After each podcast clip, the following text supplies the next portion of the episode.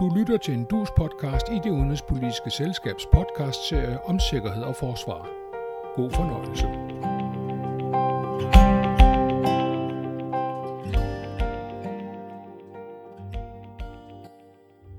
Wir werden der Ukraine auch Kampfpanzer zur Verfügung stellen vom Typ Leopard 2. Wir werden weiter, weil wir international abgestimmt handeln, sicherstellen, dass diese Unterstützung möglich ist, ohne dass die Risiken für unser Land darüber in eine falsche Richtung wachsen. Das ist, warum wir das so tun und so werden wir es auch weitermachen. Tyskland sender tunge kampvogne til Ukraine, men helt tæt afstemt med de allierede, så risikoen for Tysklands egen sikkerhed ikke udvikler sig i en forkert retning. Og sådan vil vi også håndtere det i fremtiden, sagde forbundskansler Olaf Scholz i forbundsparlamentet den 25. januar. Kampvognene havde indtil da været en rød linje for regeringen i Berlin.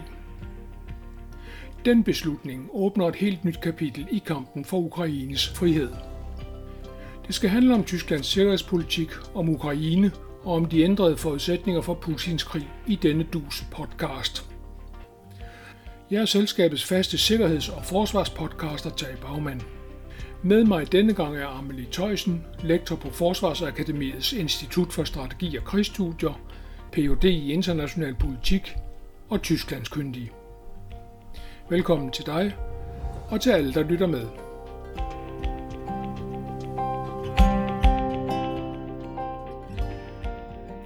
Amelie Tøjsen, der er en anekdote om, at øh, en gang i 1870'erne så kom nogle tyske købmænd op til øh, den daværende rigskansler, jernkansleren øh, Otto von Bismarck, for at forlange, at han skulle skaffe Tyskland øh, kolonier i Afrika. Og de havde et kort med over Afrika. Otto von Bismarck gik hen og hentede sit eget Europakort og rullede det ud på sit kortbord. Så pegede han på det og sagde, her ligger Rusland, her ligger Frankrig, og imellem dem ligger Tyskland. Det er mit kort over Afrika. Og for nu at sige det lidt moderne, så, så sagde han, at vi er i klemme mellem øst og vest, og vores storpolitik må afhænge af, hvordan vi kan balancere de to. Meget er jo sket i mellemtiden, to verdenskrige og en tysk deling og en genforening, og nu pludselig en, en krig i Ukraine. Men Tyskland ligger jo stadigvæk, hvor Tyskland ligger, med nu vennerne i vest øh, på den ene side, og en atommagt, Rusland, i øst. Har noget ændret sig i den måde, Tyskland er nødt til at balancere på? Ja, til en vis grad har det der. Øhm, I forhold til, at man er blevet mere bevidste om, hvilken trussel Rusland egentlig er, og der har jo været stor debat, i hvert fald siden 2014, ikke, hvor farlig Rusland egentlig er for den europæiske sikkerhedsorden. Og det har helt klart ændret sig, at man nu er mere villig til at se, at Rusland ikke spiller med, med vores spilleregler, ikke? og at det derfor er mere en trussel øh, for europæisk sikkerhed, end man måske lige troede. Men historien, især under den kolde krig, som du også nævner, er rigtig vigtigt for at forstå, at Tyskland altid har vægtet dialog med Rusland høj, ikke? og havde den her idé om, at altså integration igennem handel, ikke? at man, når man handler sammen, når man taler sammen, at det skaber bedre forståelse og mere integration landene imellem. Og det må man jo så anerkende, at man ikke det, det lykkes ikke med Rusland. Men det betyder nu heller ikke, at Tyskland går helt væk fra, fra den idé. Øhm, og jeg tror også, at den her vægtning mellem, at ja, man skal stå fast, og man skal stå hårdt, men man skal også søge muligheder for dialog, den, den tror jeg, der stadig er, øhm, som, i hvert fald som idé i samfundet, øhm, når muligheden så, byder, så byder sig igen. Øhm, og der er vi jo ikke lige nu. Efter den kolde krigs ophør, måske den første kolde krigs ophør, skal vi til at tale om, men efter den, den kolde krigs ophør, der gik man ud fra, at nu kunne fredes, freden bygges, og fremtiden kunne bygges sammen med øh, Rusland. Og det var en, en følelse, der var meget stærk også i, i, i Berlin og i Bonn på det tidspunkt. Den er man rykket væk fra. Nu skal man til at tænke, hvordan kan vi bygge freden på trods af Rusland. Hvad gør det med den tyske sikkerhedspolitik?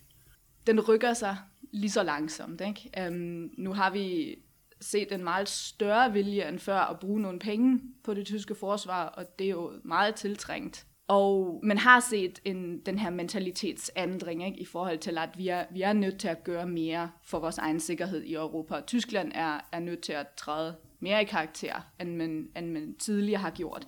Men man har jo også set helt op til februar sidste år, at der stadig var splittelse blandt politikerne om, hvor farlig Rusland netop egentlig er. Ikke? Og der var, der var nogle politikere, der sagde, at det var sabelrasselen fra Ukraines side, i stedet for fra russisk side. Ikke? Og, sådan, og den dynamik skal man heller ikke helt glemme, øhm, selvom vi nu selvfølgelig er meget mere overbevist om, at Rusland er så farlig, som de nu er, ikke? Øhm, og er den, den trussel, og står øh, og støtter Ukraine, øhm, også overbevist. Ikke? Men, men den der balancegang mellem styrke mod Rusland og, og dialog med Rusland, den har været der altså næsten helt til sidst øhm, på et eller andet måde. Indtil 1990 kunne øh, tyskerne, kunne vesttyskerne øh, ligesom gemme sig lidt bag det argument, at de jo var en øh, delt nation, og at de skulle tage hensyn til det delte Berlin, øh, så de kunne ikke, som de ville.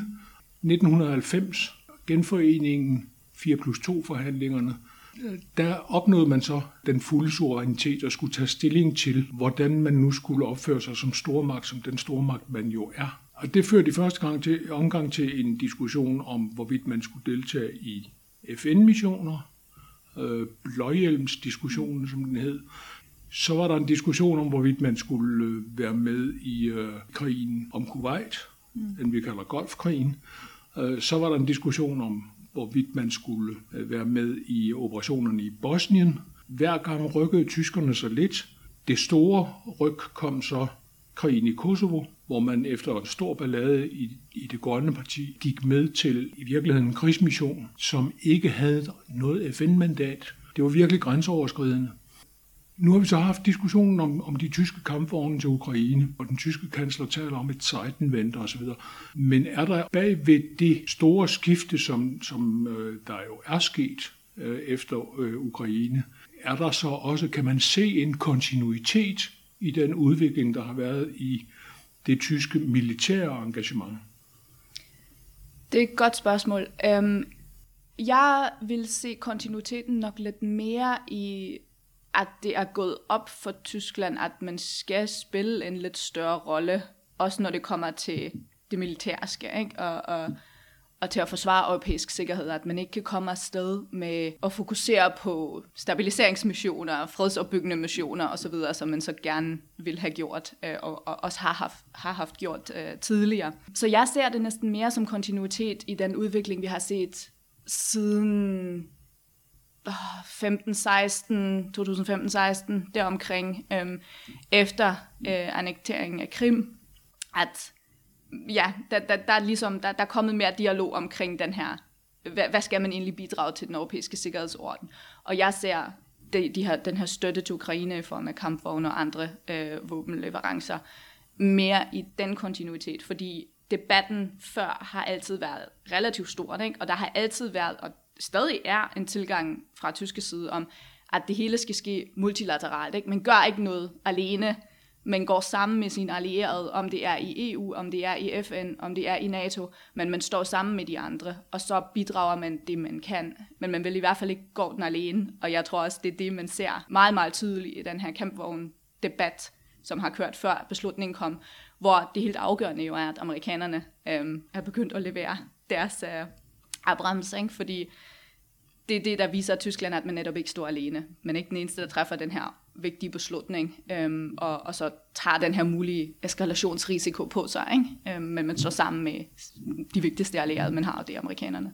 Øh, og vi skal lige måske sige, at når du ved så meget om Tyskland, så er det fordi, du er tysker. Når Tyskland er så øh, central i hele diskussionen om disse leopard, så er det jo ikke fordi, de skal komme fra Tyskland, men fordi de bliver bygget i Tyskland. Øh, og og øh, øh hele, øh, alle aftalerne om det, der hedder slutbruger, øh, betyder, at tyskerne skal sige god for, at polakkerne og tjekkerne og øh, nordmændene og danskerne og alle, der har øh, tyskbyggede våben, øh, må levere dem videre. Øh, og, og det forklarer måske i virkeligheden, at, at man har øh, banket løs på tyskerne mm. øh, for netop at få de her våben. Ja, det, det er fuldstændig rigtigt. Der er vist en klausul i, i eksport, ikke? Øhm, kontrakterne, at øh, ja, Tyskland skal godkende, hvis de skal videresælges eller videregives til, til en anden øh, stat, andre brugere. Og det er jo det, det handler om.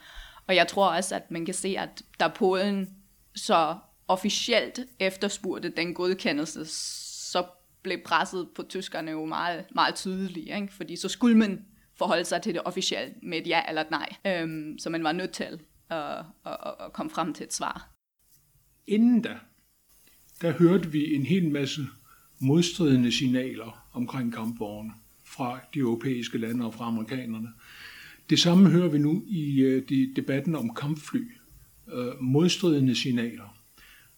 Hvor meget af det her tror du er reelle uenigheder, og hvor meget er, skal vi sige, signalgivning, der skal, der skal forvirre øh, Moskva. Altså det, der hedder strategic ambiguity. Det er også et rigtig godt spørgsmål.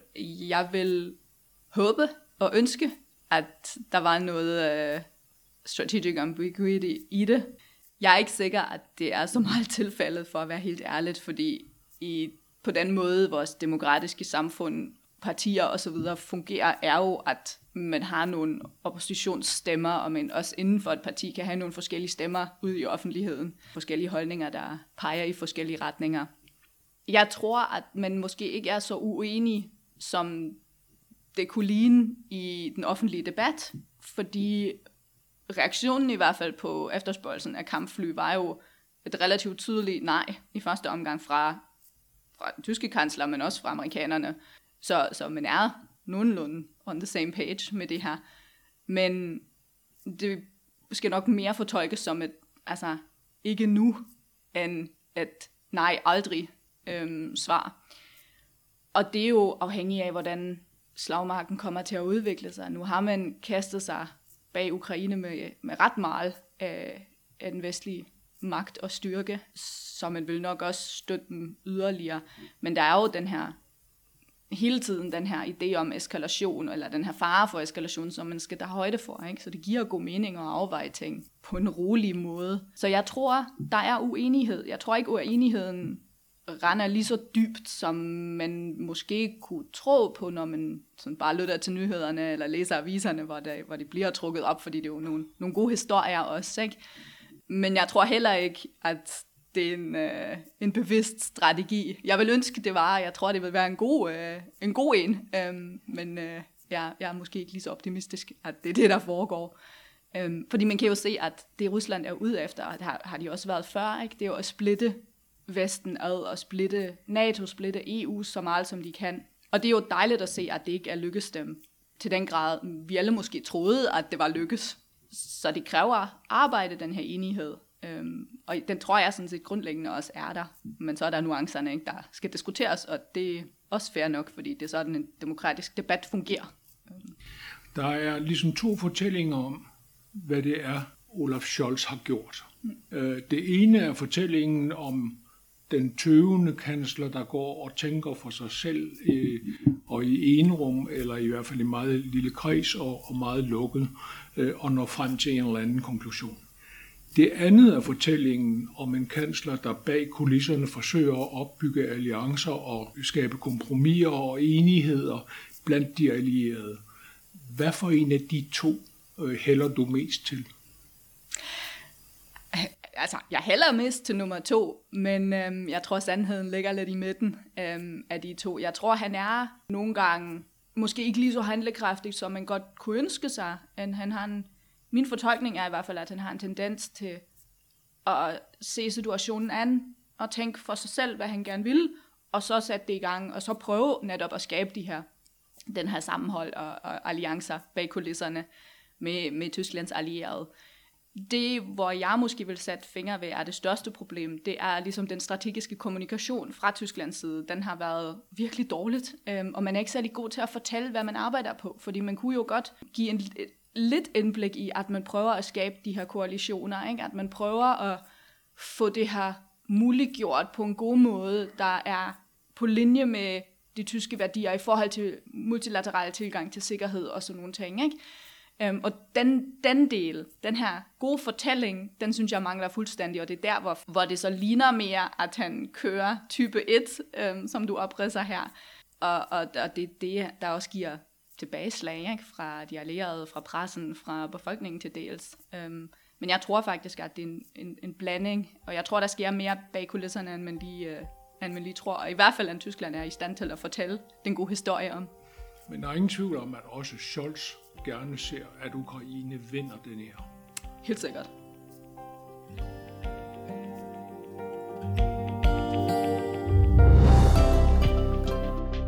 Vi er i gang med en podcast i det udenrigspolitiske selskabs serie om sikkerhed og forsvar, denne gang om Tyskland, Ukraine og de ændrede forudsætninger for Putins krig. Jeg er selskabets faste sikkerheds- og forsvarspodcaster Tage Bagman, og min gæst er lektor Ph.D. i international politik Amelie Tøjsen fra Forsvarsakademiet.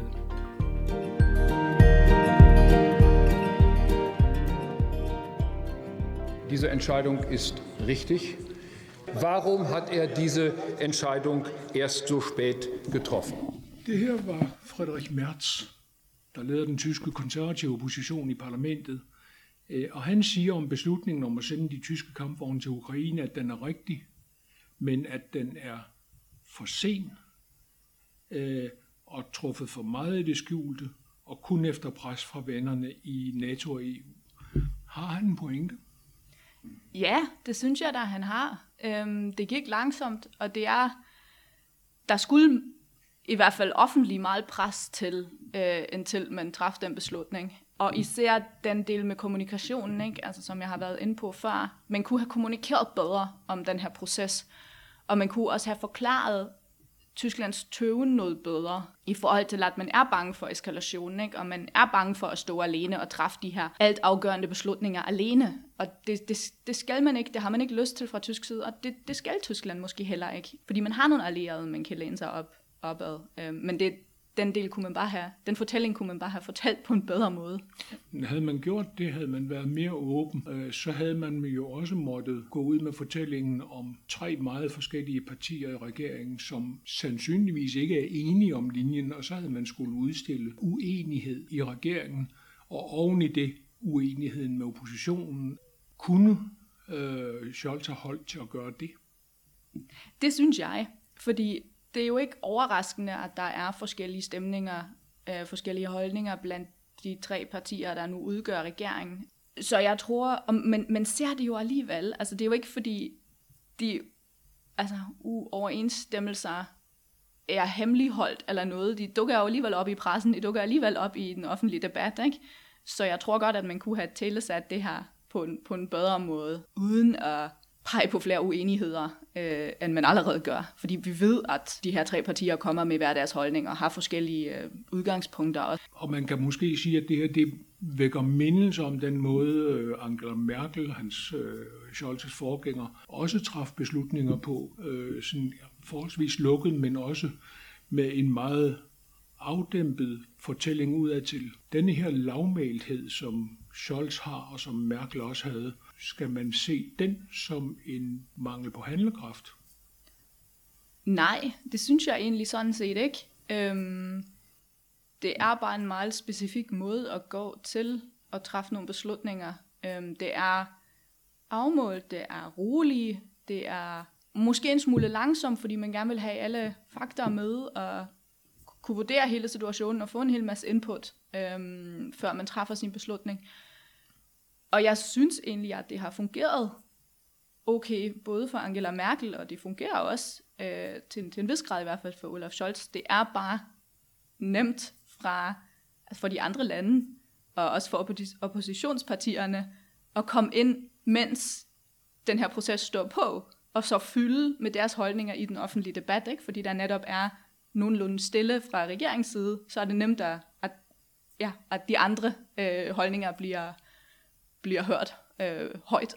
Vi nævnte Frederik Merz. Vi citerede ham lige før, men øh, øh, jeg vil gerne citere kansleren, øh, som øh, gerne henviser til frygten øh, i store dele af den tyske befolkning øh, for en konflikt med Rusland, når han vil forklare, hvorfor han går så langsomt frem, og hvorfor han så gerne vil have andre vestlige lande med, når store beslutninger øh, skal tages. Har han en pointe?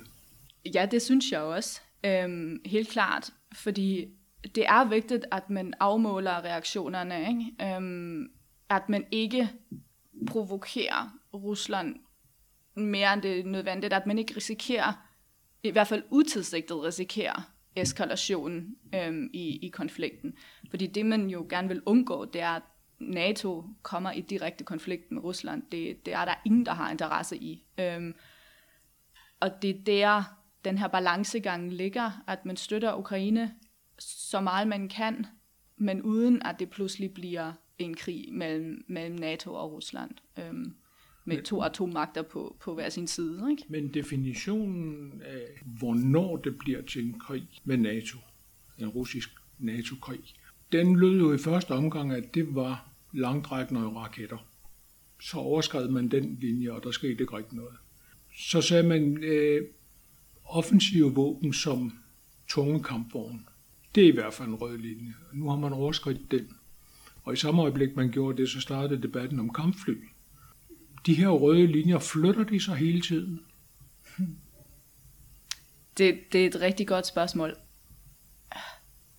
Jeg tror, der, der, der er to forskellige måder at anskue det her på. Det ene er en politiske røde linje, ikke? og det andet det er en juridisk røde linje. Fordi der er jo helt klart nogle regler øh, omkring, at altså, når det bliver til et væbnet angreb på det andet land, ikke? Så, så er man i væbnet konflikt, så er man i krig. Øhm, så hvis man har tyske soldater, der kører i de her kampvogne og skyder hen over den russiske grænse og rammer øh, russiske mål, ikke? Så, så er grænsen overskrevet. Under det, så, så er det netop mere flydende. Jeg vil mene, at mens, altså, det med, at man leverer våben, det er sådan set okay. Altså, det kan man jo også i fredstid, hvor man opruster andre lande, hjælper dem med at bygge deres fors- udbygge deres forsvar osv. Men selvfølgelig er det en afvejning af, hvordan Rusland vil fortolke de her aktioner, og hvor de selv sandsynligvis vil sætte en grænse. I folkeretten er der også en mulighed for, at en stat går ind og støtter en ikke-statslig aktør eller en anden stat, og når det er finansiering eller udrustning, så plejer det ikke at sku, altså, plejer man ikke at anskue det som nok til, at det overskrider den her grænse. Men så snart man går ind og begynder at planlægge operationer, for eksempel, eller sådan nogle ting, så, altså, så går grænsen der et eller andet sted. Ikke? Um, at det så bliver ens, ens egen stats handlinger, frem for at man understøtter en anden um, i, i, i dens handlinger.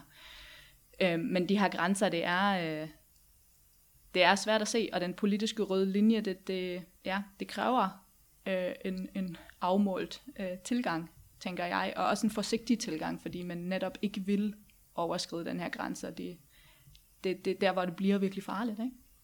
Cirka en tredjedel af de tyske vælgere øh, er betænkelige ved, øh, om man nu kommer til at overskride sådan en grænse, om man om Tyskland bliver for aktivistisk i forhold til, til Rusland. Vi har lige oplevet øh, 80-årsdagen for slaget i Stalingrad. Den her fortælling, som Putin har om, at nu bliver russerne igen mødt med tyske kampvogne med, som han siger, med jernkorset malet på siden. Øh, jernkorset er meget ældre end, end den nazitid, han hentyder til det. Men det passer ikke rigtigt i hans fortælling at gøre opmærksom på det. Øh, men, men, men denne her øh, fortælling, som han prøver at opbygge, har den en, en, en klangbund i dele af den tyske befolkning? Er der stadigvæk tyskere, der siger, på grund af den tyske fortid, så kan vi altså ikke engagere os alt for voldsomt i Ukraine? Det er der sikkert nogen af. Jeg, jeg har ikke den fornemmelse, at der er mange af det. Jeg har ikke den fornemmelse, at det fylder øh, voldsomt meget. Men netop, at folk er bevidste om eskalationsrisikoen, ikke? og at det er det, den diskussion, der fylder mere, end at det er øhm, de historier, som Putin prøver at, at spænde. Øhm, selvfølgelig er der forsøg på fake news, desinformation, ikke? og der er nogle, nogle kredse, hvor det også får noget, får noget opmærksomhed. Øhm, men generelt så er Tyskland jo, de tyske borgere er på, på side med Ukraine, men de sidste tal, jeg så, var, at det ved alligevel 80 procent eller sådan noget, som synes, at det er en rigtig god idé, at vi støtter Ukraine, og at vi skal blive ved med det.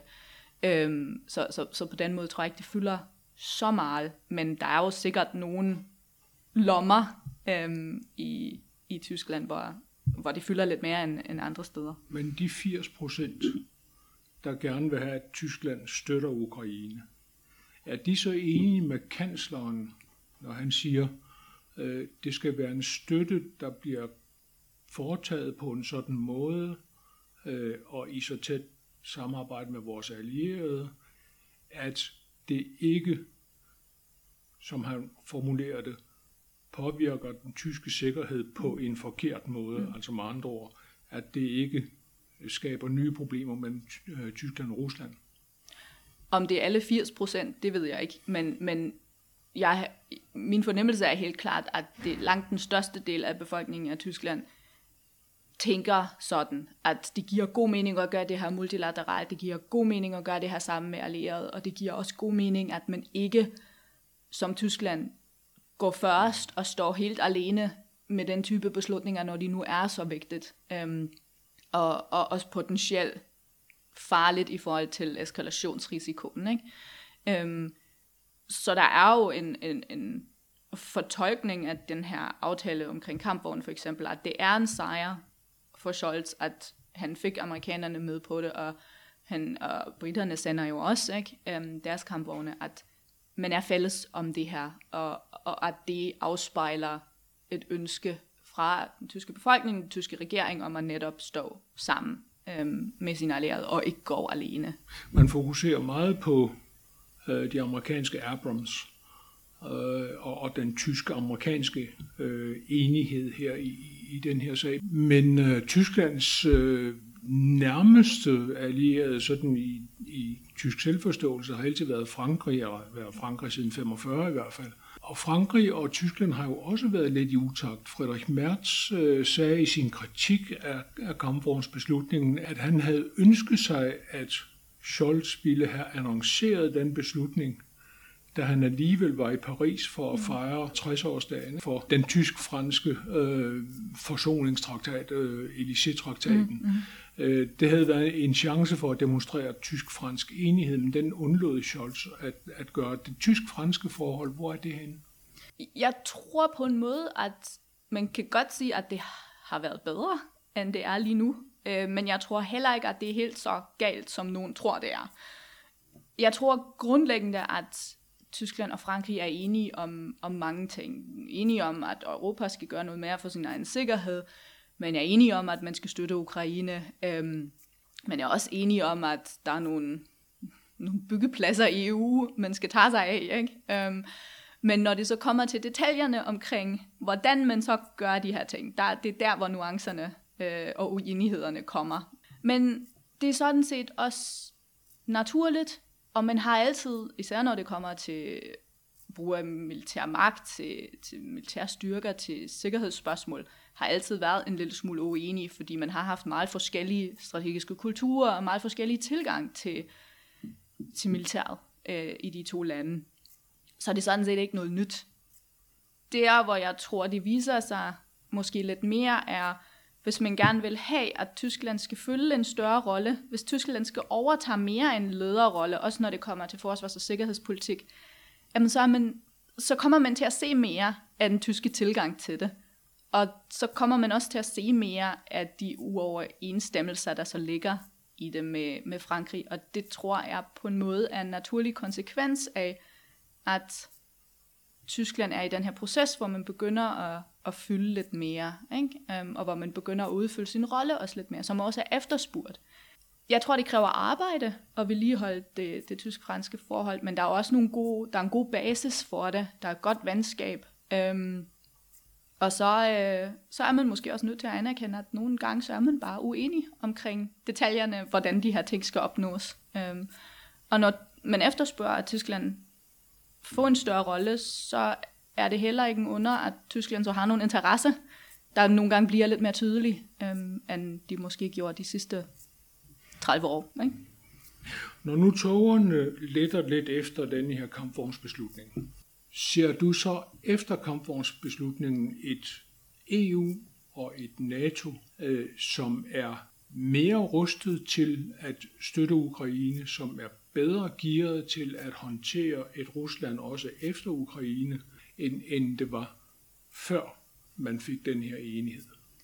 Oj, øh, jeg tror måske på en måde ja, fordi det er endnu et trin, hvor man har opnået enighed. Fra mit perspektiv, så er det enigheden, der er det mest afgørende egentlig. Og det er sådan, vi kommer til at kunne håndtere Rusland i fremtiden, ved at stå sammen, stå enige sammen om, øhm, hvor vi er han, hvor Rusland er han, og hvad vejen frem egentlig er fra vores perspektiv. Så på den måde, så tror jeg, at den her beslutning er med til, at vi alle sammen sammen går videre den vej.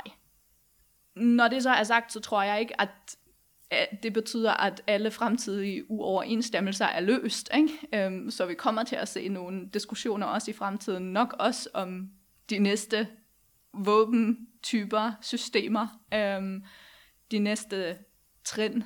Øhm, men, men det er jo dejligt at se, at vi kan opnå enighed, og der bliver kæmpet for den her enighed også. Øhm, der bliver dannet alliancer, ikke? der bliver fundet koalitioner, der bliver fundet løsninger øhm, for at overkomme nogle af de forhindringer, de, de enkelte lande ser.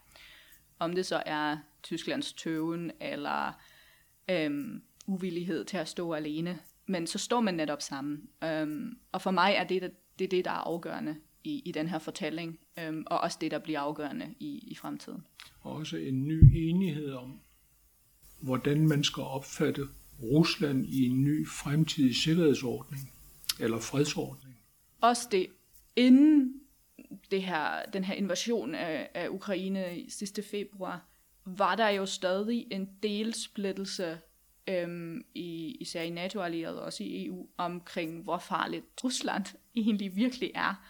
De østeuropæiske lande, de baltiske lande, har øhm, også på grund af deres historie og deres, deres geografiske position altid sagt, at Rusland er, er en fare, stor og farlig, ikke? stor farlig nabo.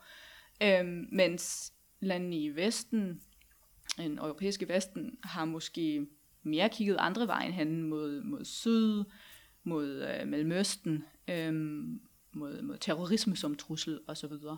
Øhm, og det er jo en enighed, man nu har opnået, øhm, i hvert fald i en større grad end før, at man er mere bevidste om, blandt alle allierede, hvor farlig Rusland er for den europæiske sikkerhedsorden, og hvor vigtigt det er, at man håndterer Rusland for, for fremtiden af den europæiske sikkerhedsorden også.